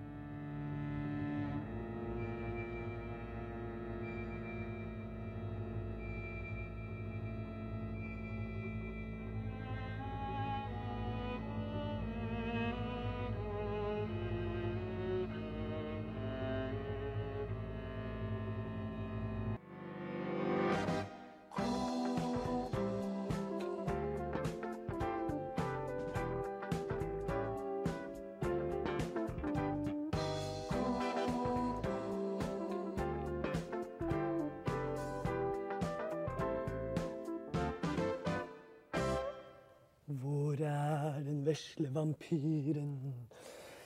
Hvor er den vesle vampyren? God bok. Ble du skremt? Ja, det var ikke noe skummelt. Det syns du kanskje ikke heller. For deg som eh, har sett de siste bo God bok-programmene, så husker du kanskje at jeg ikke var der jeg pleide å være, men at jeg var på bibliotek. Og det er fordi det er så mye fine bøker å velge her. Eh, Jeg leter etter en veldig spennende bok. Jeg har hørt at den er veldig spennende, men jeg, jeg er ikke noe flink til å finne frem. Men på alle biblioteker så er det noe som heter bibliotekar. Og han eller hun kan eh, fortelle deg det du trenger å vite. Og hvordan du skal finne bøker. Så nå skal jeg gå og spørre barnebibliotekaren om hun kan hjelpe meg med å finne den boken. Hei. Hei. Du, jeg lurte på, Har du, tror du, en bok som er veldig spennende, som heter 'Den vesle vampyren'? Ja, den har vi. Har dere det? Og her har vi et stativ med spenningsbøker. Så kanskje vi kan finne den her. Ja, der har vi den. Å ja. Der er den, ja. Takk skal du ha. Å, her er det sikkert mye spennende. Ja. altså. Ja, jeg får ta denne først. Takk for hjelpen. Du fikk altså Nordisk råd for roman 7 og 8. Eh, og så holdt du en eh, ta takketale. Eh, og da takka du bibliotekene. For det var bibliotekene som du skyldte egentlig prisen din, som hadde skaffet din leser. Hva syns du om det? det skulle aldri hørt. Hvorfor ikke? Herregud, jeg har aldri vært bibliotekenes mann. Og det, og det verre, nei, bibliotekene Ja, rister på huet over bibliotekarer. Ikke alle, da, vel, merket herregud, det finnes unntak, men altså Hver gang det kommer noen som vil gjøre noe med, med innkjøpsordningen, gjerne fjerne det eller skrenke, innskrenke det inn til så dukker bibliotekaren opp og støtter det. Å, vi er så lei av innkjøpsordningen av de- denne masse bøker som ingen vil ha, sier de som har det som, som, som livsoppgave å spre bøker som folk ikke vil ha. Det burde være kallet deres. Ja, ja, ja. Men nei da, det er det ikke. Det, det er kallet deres. Det er å være, ti, være, være Det er å få ut bøker som folk vil ha så mye som mulig, og, de skal, og skal helst prøve å forhindre at de leser noe annet enn det folk vil ha. Det er det de går, det er det de går Så jeg, så jeg angrer på dette her. Men det er også ikke bare det. Nå, nå sist så var det, kom det igjen, da. Det var vel med hjelp Ikke før hadde de fått regjeringsskiftet til det såkalt blå-blå. For det blå-blå. Blå. Det er fordi at de to partiene er beregnet som blå, da? Det er jo ikke det. Ikke alle. Ikke begge. Blå, Hva vil du kalle blå? Nei, jeg tør, jeg tør, jeg, jeg, tør ikke å si det. Jeg tør ikke å si det. Nei, jeg, jeg vet hva du skal si. Ja, men det er altså den blå-blå regjeringa, da. Ja. Ja. Ja, ja, ja, ja. ja. ja. eh, de har ikke før hadde de overtatt. Før eh, man da kom snakk om nå må vi slå må vi kutte innkjøpsordningen. Og dermed så rykker biblioteket. De rykket ut på en bred basis. Og de Støtta det? Støtta det! Det var ville helt Jeg har aldri likt det. ikke sant? Jeg syns det er Ja. Og så var det en som var det en som kultur... En som var høyt byråkrat i bibliotekbiblioteket, ja, som var kulturbibliotekar i en eller annen kommune, jeg husker ikke hvilken. Hun ble i hvert fall intervjuet av eh, en av Norges største aviser, for å si det sånn. Og ble stilt, og, og da ble det også da, ble det fotografert opp tre bøker, fire kanskje, eh, av bøker av eh, sånne ting. Og så, disse bøkene har ikke vært utlånt i vårt fylke overhodet. Så skrøt, skrøt fylkesbibliotekaren. Og det var bøker av noen av de beste Bøkene, tre bøkene. Det, det første var det en, av vår Norges En av en, en i hvert fall blant eh, kollegaer meget eh, respektert lyriker. Syns jeg nesten du kan si navnet, før det, så det blir sagt. Hanne Bramnesø regnes som en av Norges beste Mm. eh, lyrikere. Og, og det var, altså, jeg vil jo si som vanlig opplyst menneske, vanlig tilhører den opplyste allmennheten Norge, ville da rette pekefingeren mot kulturbransjen. Hva har du ikke greid å få lånt disse bøkene? Ja, men da må du trekke deg. Du, du kan ikke sitte i den stillingen når du ikke greier å få lånt ut Hanne Bramnes bok om Bjørlo og, og, og denne, denne mannen som jeg regner som, som meget begavet. Du må trekke deg. Du må, du vil, eller styret må sparke deg. Ja. Men tiders, tidene skifter også. Ja, men Journalisten tror du han tror? Han bare digget det. Ja. Han stilte ikke et kritisk spørsmål. Han ville jo også si ja, men, ja, men Hadde du vært redaktør i min avis, så, vil, så ville du fått sparken, selvfølgelig, hvis du Ja, hadde ja, hadde gjort det tilsvarende. Og forsømt en oppgave på den grader. Er, vi i avisprestene har jo, en samfunns, har jo en samfunnsoppdrag. Hva faen savner jeg samfunnsoppdrag til kultursjefen i Ja. Biblioteksjefen. Ja. Men det er da forskjellen fra i dag og din barndom, da. Da var det jo ikke noe innkjøpsordning, vel? Når ble den innført, da? Eh, Innkjøpsordningen ble, ble vedtatt da jeg, da jeg debuterte. Rett og slett det er et sammenfall der, sånn du kanskje Ja. skjønner. Du ble kjøpt inn? Du fikk Ja, jeg kjøpte den- jeg ble kjøpt sånn først. Der. Hallo, hallo. Vi kan ikke få ned dere få ned dere der igjen med bildene av oss. For jeg hadde en ting jeg måtte si. skjønner du. Å, ja. Var, var, var det noe galt med dem? bildene? Nei, men eh, så vidt jeg skjønte, så uh, var det noen av oss som fikk skriften i panna. og- Ja, ja, ja, ja, ja, det er sant. Det, det likte jeg også. Men, men, Det er ikke jeg som klager. Ja, det jeg tenkte skulle si, det var det at jeg hadde, jeg hadde Det er jo sånn trend nå på sosiale medier om å legge ut bilder av seg sjøl for ti år siden og nå. Som man kanskje har sett. Og det bildet her av meg det er tatt for ti år siden. Så jeg tenkte at jeg skulle spørre dere om om dere syns jeg hadde forandra meg noe særlig. Fisk litt etter eh, komplimenter, men da kan det være det samme. Jeg må si at uh, mitt har tatt det over ti år siden. Det også. Ja, det skulle du ikke tro. eh, Nei, det skulle du ikke tro. Du holder deg jo Ja, ja, ja. Du skulle jo tro det var tatt i går. Ja, ja, ja. Uh, ja, etter den lille kavalkaden her, hvor vi i uh, omvendt rekkefølge vel så Klaus Hagerup og Minken Fossheim og Bjørg Vik og Olav Angel, som alle gikk bort i, mm. i 2018, eh, så er vi klar for runde to, hvor eh, Lindberg og Samuelsen og Hoel virkelig skal få snakke om de bøkene de virkelig brenner fra, og kanskje også gi noen eksempler på hvorfor eh, av de bøkene som kom i, kom i fjor. Eh, og da tror jeg nok en gang at vi starter ytterst på venstre. Sikker på? Ja. Ja, vi kan gjøre det. Ja. Nei, nå har jeg fått til meg alt det her med de her bøkene som jeg synes at, liksom, som er sånn som jeg ville nevne. Eh, uh, og Det er bare å spørre etterpå altså, hvis det er noe dere uh, kommer på, eller noe som jeg skal si noen navn på nytt. eller et eller annet sånt. Det blir veldig mye navn her. Det liksom går, så det er godt for at vi trenger litt repetisjon og kanskje litt staving. Um, jeg hadde ikke lyst til at eh, Jeg tror liksom jeg har prata nok, så jeg hadde lyst til å lese litt for dere. Um, og da spesielt av tre diktsamlinger som jeg kom ut i fjoråret, og som jeg har satt veldig, satt veldig pris på. Det er en debutant, Tora Sanden Døskeland, eh, 'Behold meg'. Og så er det en lyrikkdebutant, men som har skrevet romaner og skuespill og sånn før, altså Sigmund Løvaasen. Og til slutt en gammel traver eh, eh, som har et comeback. Eh, Eldrid Lunden. Den siste diktsamlinga hennes eh, kom i 2005. Uh, og jeg skal ja, jeg kan, eh, når vi kommer Kan, til kan du ikke starte med Lunden? For at jeg, i og med at vi hadde Du vil helst det? Da- Ja, siden vi hadde Dag Solstad her. Oh, ja, tenker jeg du nærmest, jeg ofte, eh, liksom dødens, Nei, ikke i det hele tatt. Eh, eh, jeg har jo ofte sans for Dag Solstad, men eh, en av de mm, tingene jeg har vært sterkt uenig med ham eh, i, som han har sagt og skrevet, det var eh, en gang han sa, skrev noe om Lunden, at han hadde stor respekt av meg og samme generasjon, men at eh, han mente likevel at det var hennes bror som var den beste forfatteren oh, ja. i familien, nemlig historikeren og sagprosaforfatteren som vel gikk bort for et par år siden, Ja. Kåre Lunden, som også Mm. var en god stilist, men, men der heller jeg nok mot Eldrid likevel.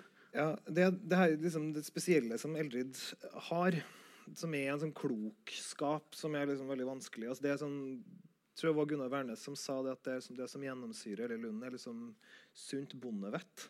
Eh, og det er veldig det Du føler du bør vel også opplyse om at hun har vært en slags uh, hva skal jeg si, høvding på Ja, hun- sentrumet i, i utdanninga i Bø, og at hun ja. har vært en slags uh, gudmor for mange norske forfattere. Inkludert deg. Nesten de fleste, tror jeg vi vil si. Men altså, hun er jo, det, er jo, altså, det er to norske på en måte, nålevende kvinnelige ly lyrikere som er liksom der. da, Det er Eller Lunden og Cecilie Løveid egentlig som har liksom den posisjonen. da.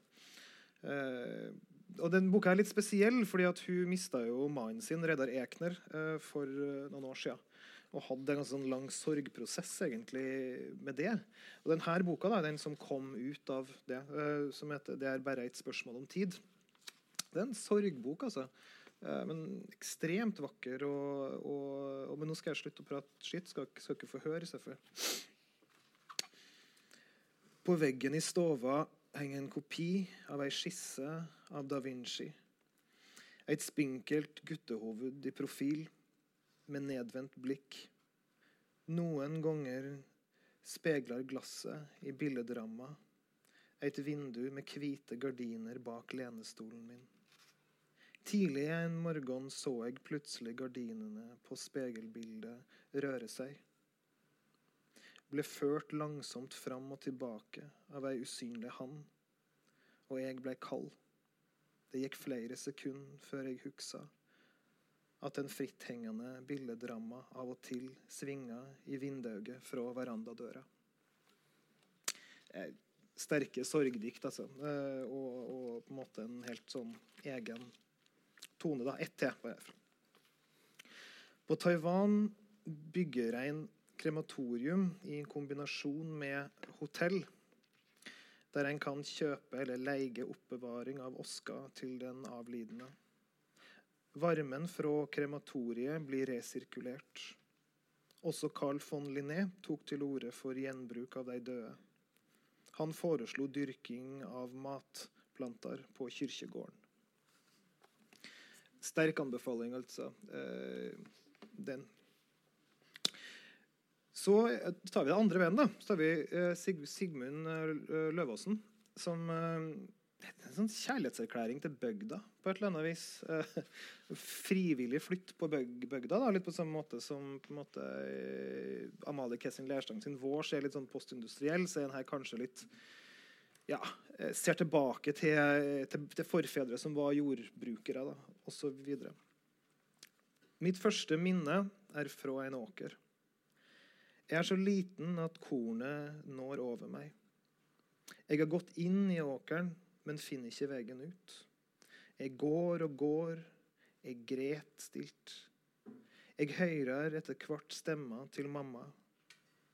Jeg går mot stemma, jeg er fremdeles i åkeren. Linnæla. Da Linnæla kom på tunet om våren, sleika katta seg kring kjeften. Vi guttene sprang med etter luftgeværet og la oss på post. Da skuddet gikk, så dunskya dro med vinden, kunne en kanskje tenke at Linnælas ferd fra Egypt, Spania eller Libanon var bortkasta. Men vi kjente på gleda over å ta liv. Og om kvelden kjente vi på sorg. Katta kjente bare på glede. Vi tok på nebbet, som hadde hakka på pyramider og kamelmøkk, og gårdstunet heime ble så lite. Eh, Jeg tror kanskje du sparer den siste til etter. det kan jeg gjøre, vet du. eh, Den er god. Vi får litt miks mellom eh, Klart, klart. Kanskje litt fra poesi til sakprosa, Mm. hvis jeg kjenner deg riktig. Ja, altså Nå høres det ut som jeg bare leser sakprosa. Jeg gjør ikke det, altså. Men eh, jeg tror at dere ikke blir overraska over min favoritt. Eller, jeg har egentlig ikke én favoritt. Det er også en feil jeg eier som bibliotekar. At jeg er veldig dårlig på å velge én ting. Det må man gjøre også når folk spør om anbefalinger. Du må gjerne ha én anbefaling. Liksom én bok. Det har jeg ikke. Men jeg har denne serien Norsk røyndom. Hvis jeg sier det mange nok ganger, så kanskje dere husker det når dere går hjem. Um, og den eneste norsk røyndomboka jeg eier, det er Kristin Fritun sin. Derfor er det den jeg har med. Og det er også litt sånn snikreklame, for hun kommer til Trondheim den 12. mars. Eh, I et arrangement som er et samarbeid mellom jeg og Litteraturfestival og Upolert, som er den unge arrangørgruppa eh, på Trondheim folkebibliotek. Og så da må jeg også si at om to uker så kommer Raja eh, til Upolert samisk den 5. februar. Så det er liksom mulighet til å møte flere Mm. av disse forfatterne vi snakker om altså på biblioteket. Fantastiske greier. Og så kan dere låne alle bøkene. Og dere må stå på venteliste på Norsk da, for jeg har sånn én utgave av hver bok, og alle er på venteliste. Men det er korte ventelister. Men etter i kveld så antar jeg at det blir sånn 40. De koster jo ikke noe mye heller. de koster ingenting. Dere kan kjøpe en, men det er, det er respekt for studentbudsjettet som kanskje fins. Men ja. Um, jeg tenkte jeg skulle ta oss og lese litt fra denne, da, for at dere skulle få se, eh, se litt eh, hvordan hun skriver. Og så prøver jeg på litt sånn simultanoversetting, for hvis ikke så blir det veldig sånn Det Norske Teatret. Og så får dere bare bære over med meg. Um, ja, hun snakker først litt her om at det er en forskjell på kanskje ja, kjønn og andre ting. Men ja, nå hopper vi rett Dere får bare sette dere inn og late som dere skjønner hva som skjer. Men kjønnet er slett ikke borte, og kroppen vår blir jevnlig, skildra som en brikke i det store reproduksjonsspillet. Eggstokkene viser dette klart og greit. Om vi skal tro norske aviser og nettsteder, er det nemlig kjekke karer og små barn som får norske eggstokker til å rasle eller til og med riste. Det er vel knapt noen mann i verden som kan framkalle en mer kollektiv rasling i eggstokker enn Ryan Gosling. Altså et annet sitat. Lukten av baby får det til å rasle i eggstokkene til de fleste av oss, selv de som ikke har noen. Det at eggstokkene kan rasle kollektivt, og at det kan rasle eggstokkene til de som ikke har eggstokker, tyder på at vi har forlatt den anatomiske virkeligheten og seilet opp til den billedlige sfæren. Likevel holder vi oss trygt innenfor de reproduktive dammene. Det rasler i eggstokkene er et av relativt få uttrykk som målbærer sterk seksuell lyst hos kvinner, men det er en lyst som retter seg mot menn, mot den heteroseksuelle eh, samlaget eller mot resultatet av slikt samkvem så kan vi jo spørre oss hvordan er det med eggstokkene til lesbiske kvinner? Kan de òg rasle? Siden det ikke er påvist skyld, eh, forskjeller i eggstokkene til lesbiske og ikke-lesbiske eggstokkinnehavere, må vi tro at rasleevna er den samme. Og sannelig, det finnes lesber som sier at det rasler i eggstokkene. Um, skal vi se. Og, men hvor ofte hører vi at en kvinne er det som får eggstokkene til å rasle? Jeg har i hvert fall aldri hørt det. Det kan se ut som det bare er menn og barn som har den evnen. Og vi ser også tegn til at en eggstokk uten mannlig selskap er en ufullstendig eggstokk. Da en lesbisk venninne av meg var på gynekologisk kontroll nylig, fikk hun høre at hun hadde fine egg. Men gleda over den gode eggkvaliteten var punktert da legeren spurte har eggene noen pappa. Så det er et lite utdrag for å vise hvordan Fritun skriver. Da. For det er liksom hele tiden denne Hun har veldig det analytiske blikket, og så har hun denne liksom, humoristiske vrien og utgangspunktet i seg personer, da, som jeg synes at de gjør veldig fint, og som går gjennom hele boka og følger oss liksom fra Fridtun 14 år til Fridtun i dag, og hvordan hun har utviklet seg og lært mer om hvordan hun skal forholde seg til dette. Da.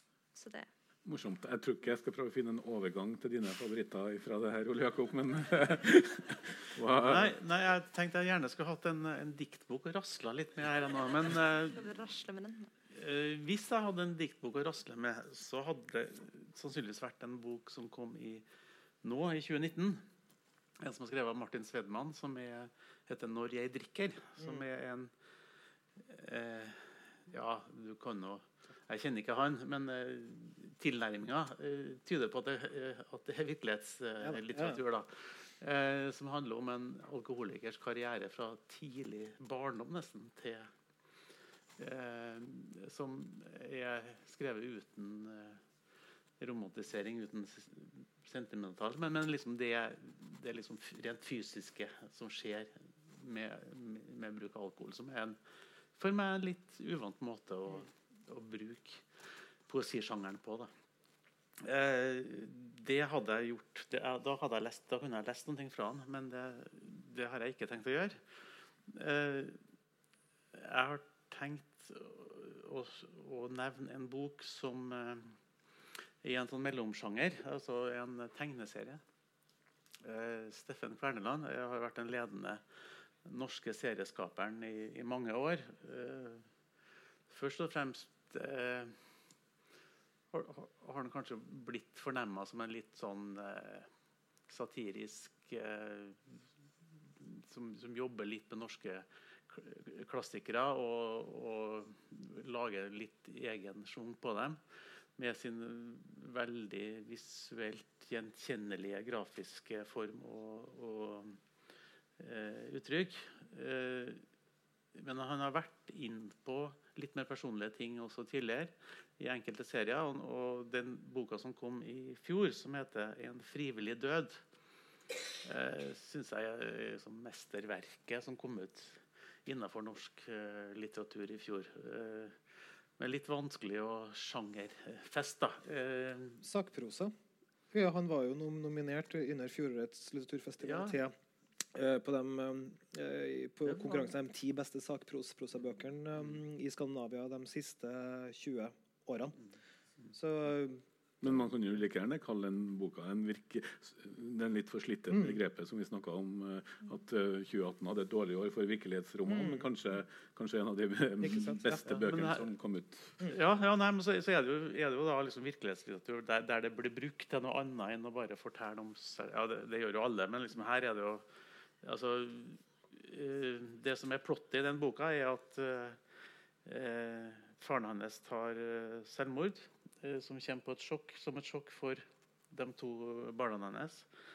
Og så nøstes det fram hvordan hva Altså hvordan altså, eh, eh, Selvfølgelig eh, foranlediga av at eh, Steffen Kverneland selv får en sønn, og, og liksom får kjenne litt på det ansvaret og den kjærligheten og alt som ligger rundt der, og tenker på hva, hvordan kunne faren min gjøre det her.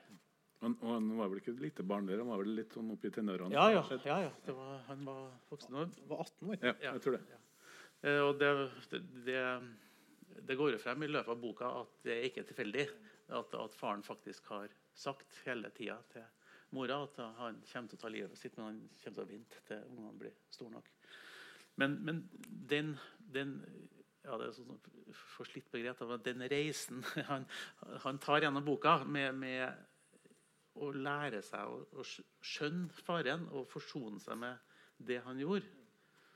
Og forsone seg med at han kan eh, klare å leve videre. Det, det syns jeg er en utrolig sterk historie. Og så er den laga på en måte som at det, altså begge, både teksten og bildene, er hypernødvendige for at historien skal fungere. Da. Så Det er en bok jeg anbefaler veldig sterkt. Man har vel ikke funnet noe godt norsk ord ennå på den type eh, Det kalles jo graphic novels. Ja. eh, Men det vil si at altså, Kverneland er jo en av de veldig få norske tegneserieskaperne um, som, som klarer det der. da. Altså Den historien som han forteller der, den kunne ikke blitt fortalt på noe som helst annen måte hvis den ikke var tegna med hans hånd og med hans på en måte. Han har et uttrykk som selvfølgelig det låner seg for at det er hans historie. Det er jo en, en nødvendighet uh, i det, men det tenker jeg at det alltid har vært med han. da. Om han har jobba med Munch, eller om han har jobba med, med liksom Olof G, eller om det har vært altså Den er veldig sånn umiddelbar. og Ja da, ja da. så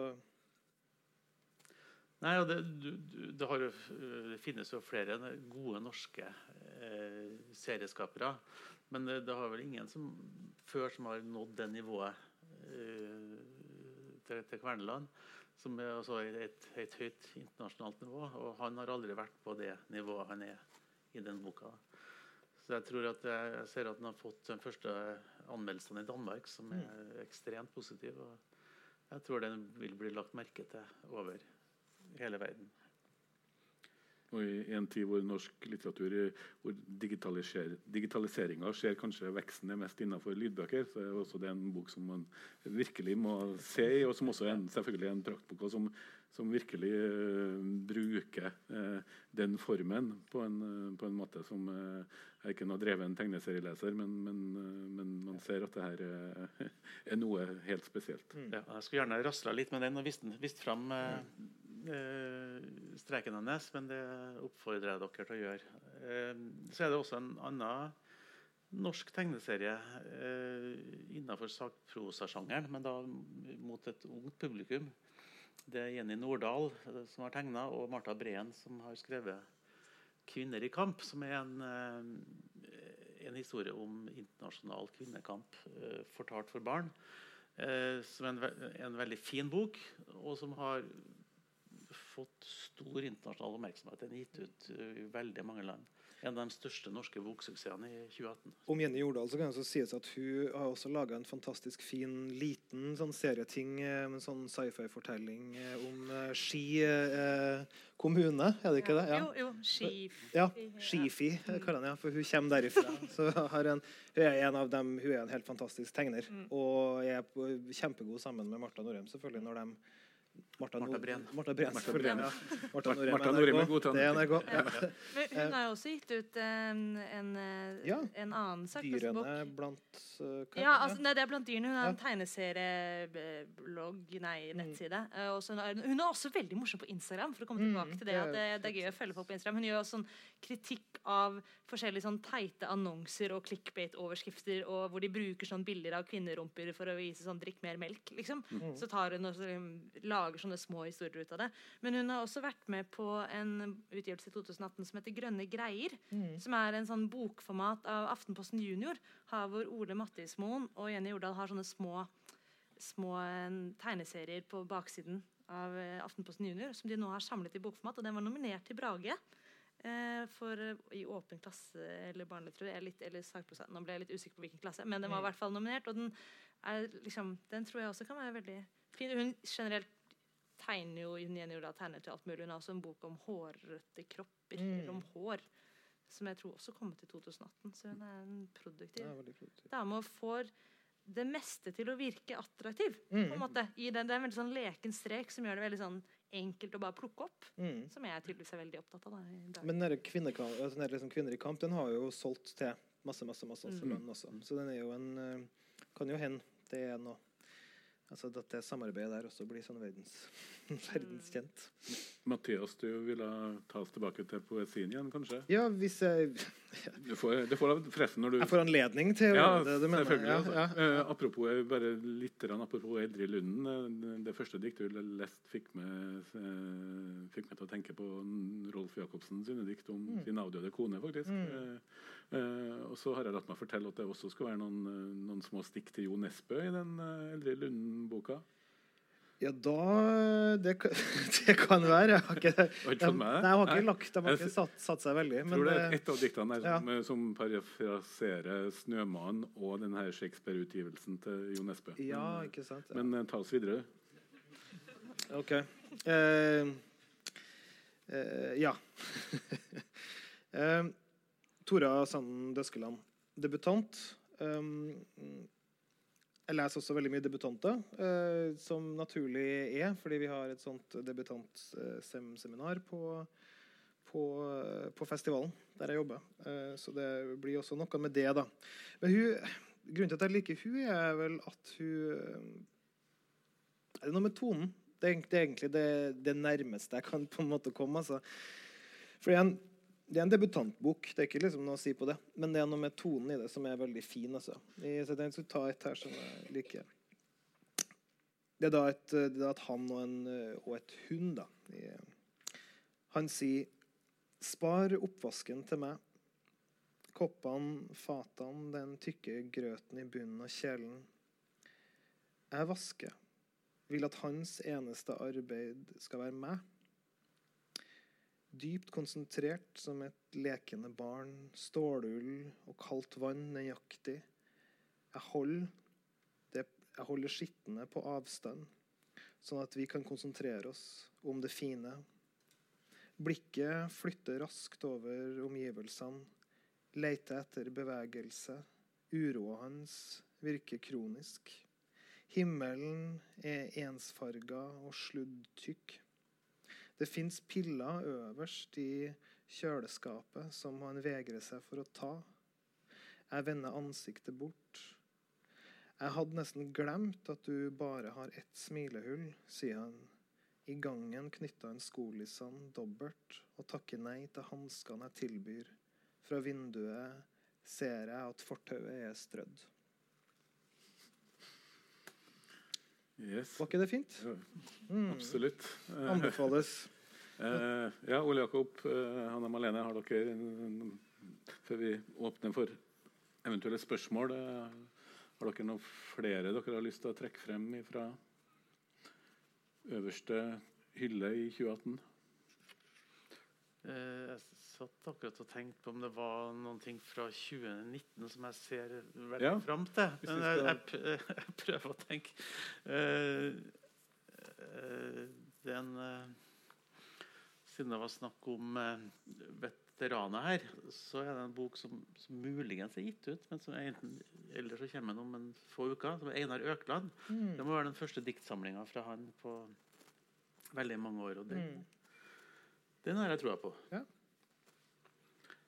Hvis vi skal bare litt innom uh, trender som peker fremover, da, så så man jo Det har vi ikke snakka så mye om, bortsett fra den Raja-boka di om uh, samisk og norsk borgerkrig. Så er det jo veldig i tida med, med litt sånn dystopier og fremtids... eh, TV-serier, og man har også norske bøker. Man har jo et par norske romaner i fjor som er innenfor den, den sjangeren òg, med både klimakrise og jeg tenker særlig på den boka til han Bjørn Vatne om nullinga Ja. og Paul Abel. Ja. Og han har vel også mm, kommet med et slags litterært manifest uh, i det siste. Men eh, jeg vil- jo tro at det er sannsynligvis en uh, sjanger eller en, eh, en, uh, en retning som vi fort kan få se mer, mer bøker i. Uh, der var det jo I krisetider så tyr man jo gjerne til poesi og sci-fi.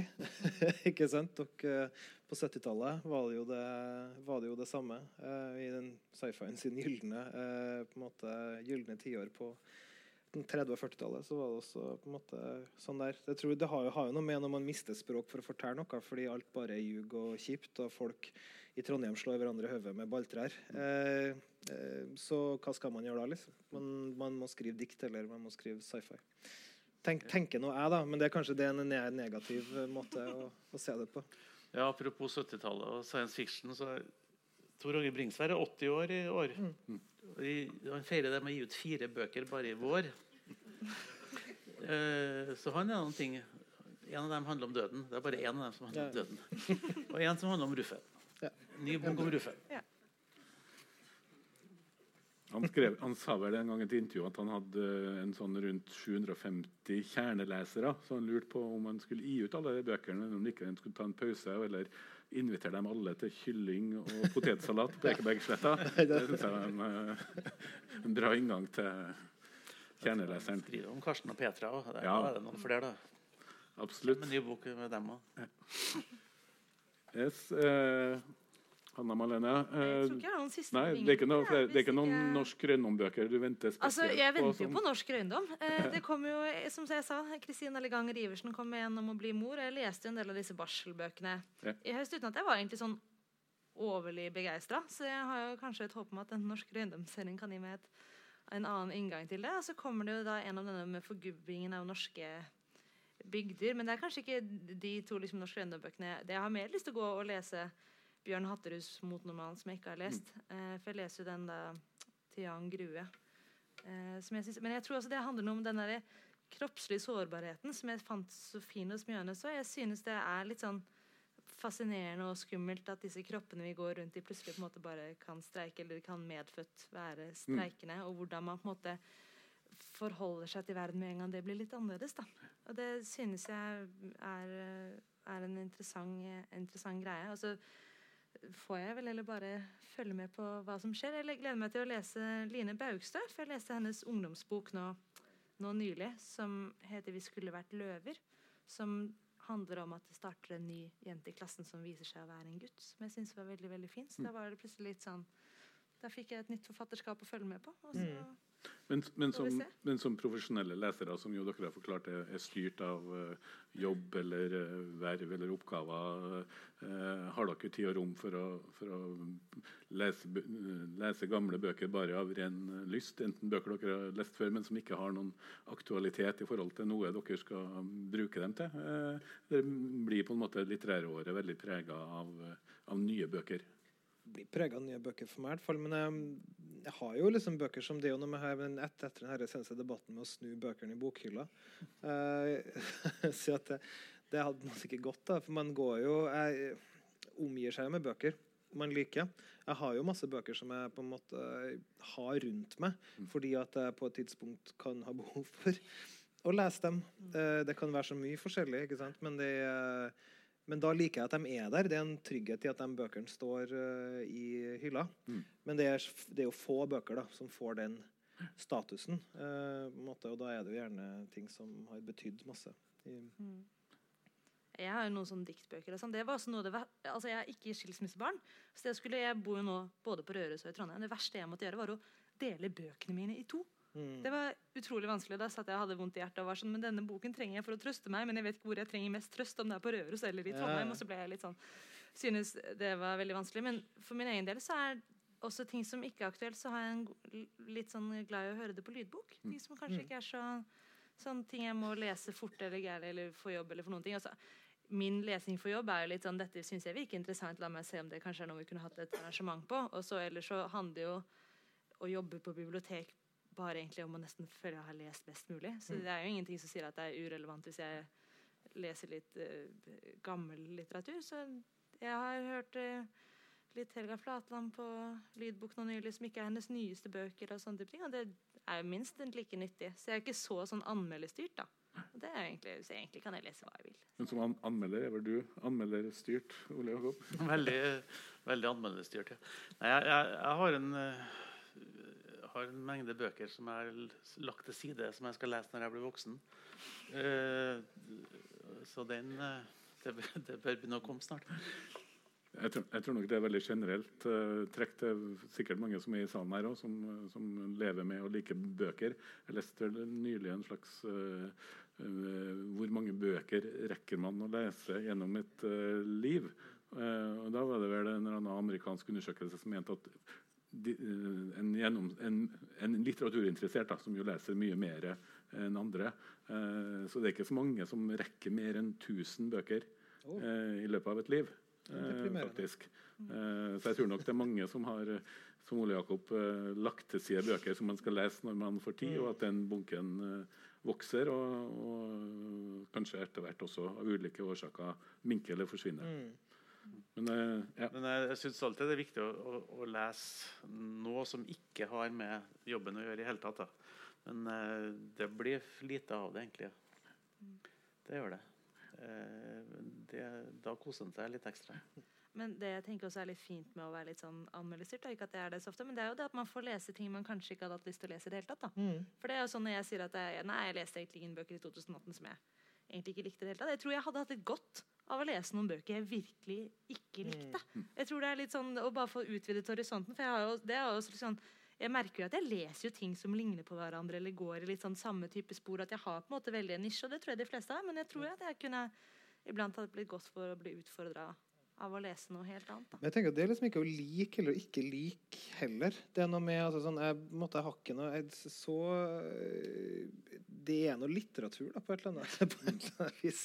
Og det går nå inn, liksom. Ja, er altså, på det, det var jo nylig jeg så en, en han var vel han ene i Klassekampen sa at de hadde hatt lyst til å skrive eh, hva var det om, om det var liksom Frid Yngelsdal eller Margit Mm. Salmos eller eller annet. Og så var det sånn, Men de klarte ikke å finne noen kompetente mennesker som kunne si noe Ja. om det. Fordi alle litteraturvitene hadde ikke lest den type liksom, litteratur. Så manglet de på en måte folk som kunne kommentere. Da tenker jeg, da er det noen som ikke da har vi ikke klart å utfordre oss selv på at vi nettopp Kanskje bøker er bøker, at vi må klare å lese litt forskjellige typer ting. da. Det som er fint, da, i hvert fall, synes jeg, som har etter jeg begynte å jobbe i festivalen for fire år siden, at jeg har fått utvida veldig. Fordi det er en breddefestival. Og jeg er nødt til å på en måte eh, nødt til å forholde meg Ikke et pent ord, da, men jeg, men jeg er nødt til å gå inn i Jeg er nødt til å, å undersøke typer litteratur som jeg kanskje ikke ville ha gjort hvis jeg ikke eh, hadde det. Og, og det er utrolig spennende. ikke sant? Fra det, måte, det smaleste av det smale til, til det bredeste av det brede. Den festivalen skal romme så mye. Uh, og det er en svær, det er Nordens største litteraturfestival. Så det skulle, det skulle jo bare mangle. liksom. Så det eneste vi sier, er at det må være kvalitet innafor alle ledd. Men kvalitet på krim betyr jo noe annet enn kvalitet på en diktsamling. ikke sant? Eller, sånn at jeg tror jeg er veldig heldig da, med det jeg leser. Selv om jeg kanskje skummer det, så er jeg eksponert for veldig mye forskjellig, da, tenker jeg selv. En av de største gledene med å lese er å lese noe man ikke visste hva var, eller ikke visste Mm. at man ville like. Eh, og det som har vært eh, Vi skal runde av denne eh, seansen her nå, det er jo at det har vært interessant, håper jeg også for publikum, men også for meg, å, å møte tre profesjonelle lesere som har så vidt forskjellig utgangspunkt, og som har lest veldig mye forskjellig, som forhåpentligvis har gitt noen innspill til hva man, eh, hva man eh, kan lese, hva man kan uh, undersøke. Og enten man uh, finner tips på Instagram eller, uh, eller på biblioteket eller via aviser eller på litteraturfestivaler, så er det, er det noe som alt absolutt kan anbefales.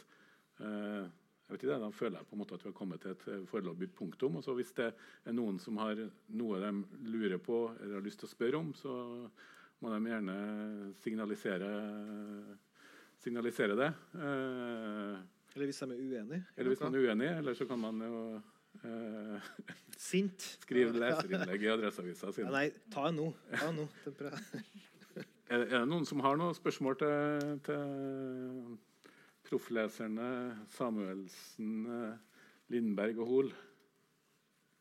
Ja, bak der.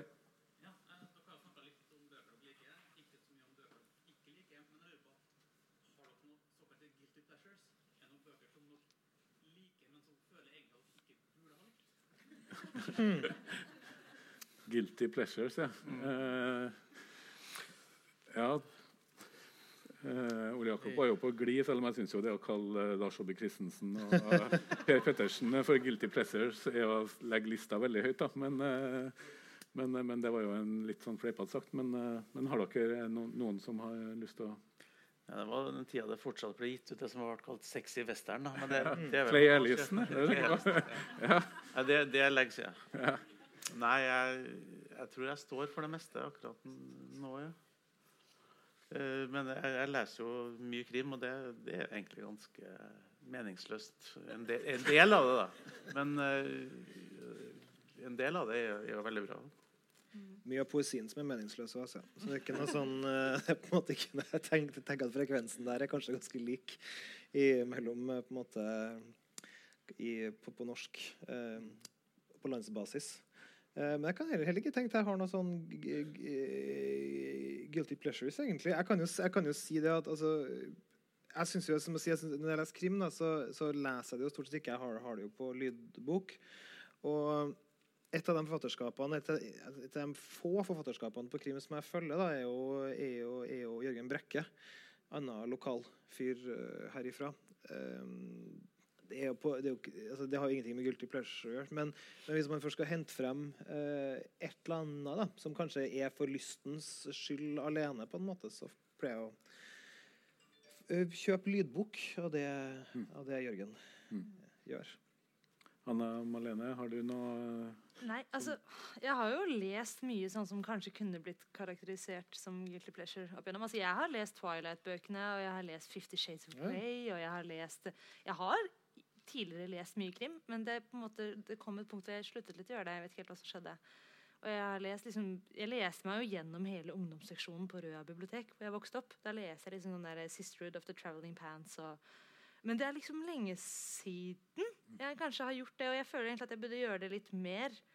Uten at jeg egentlig syns at det er en guilty pleasure heller. Det er jo bøker, det òg, men sånn Nei, altså det handler jo nettopp om at de tingene jeg har valgt ut for å lese de siste årene, da har jeg jo som regel gått og valgt det selv, fordi jeg ikke er i denne anmelderposisjonen. Så det er ingen som sier at du må lese disse tingene eller må kunne alt. Så jeg har gått og sagt å, dette kunne jeg tenke meg å lese, det virker interessant, det leser jeg. Og det er, det er ikke noe jeg har skammet meg over, på en måte.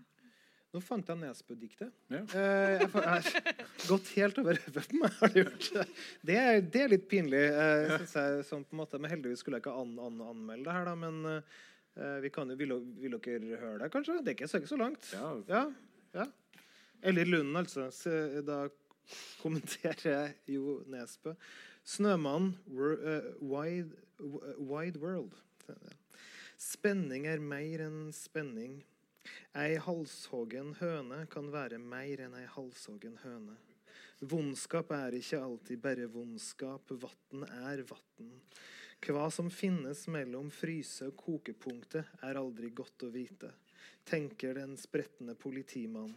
Og etter 500 sider tenker kanskje leseren at denne krimmen i alle fall ikke dreier seg om My Silent War, uoversikt, eh, u, eh, uoversiktlige mødre og alle ulykkers mor, kviskrer plutselig forfatteren og forsvinner inn døra til The Shakespearean VIP Lounge. Ja. Det var en, bra bra, syrlig finale. Da fikk det Jeg syns det både var en dårlig bok og en dårlig film. Ja.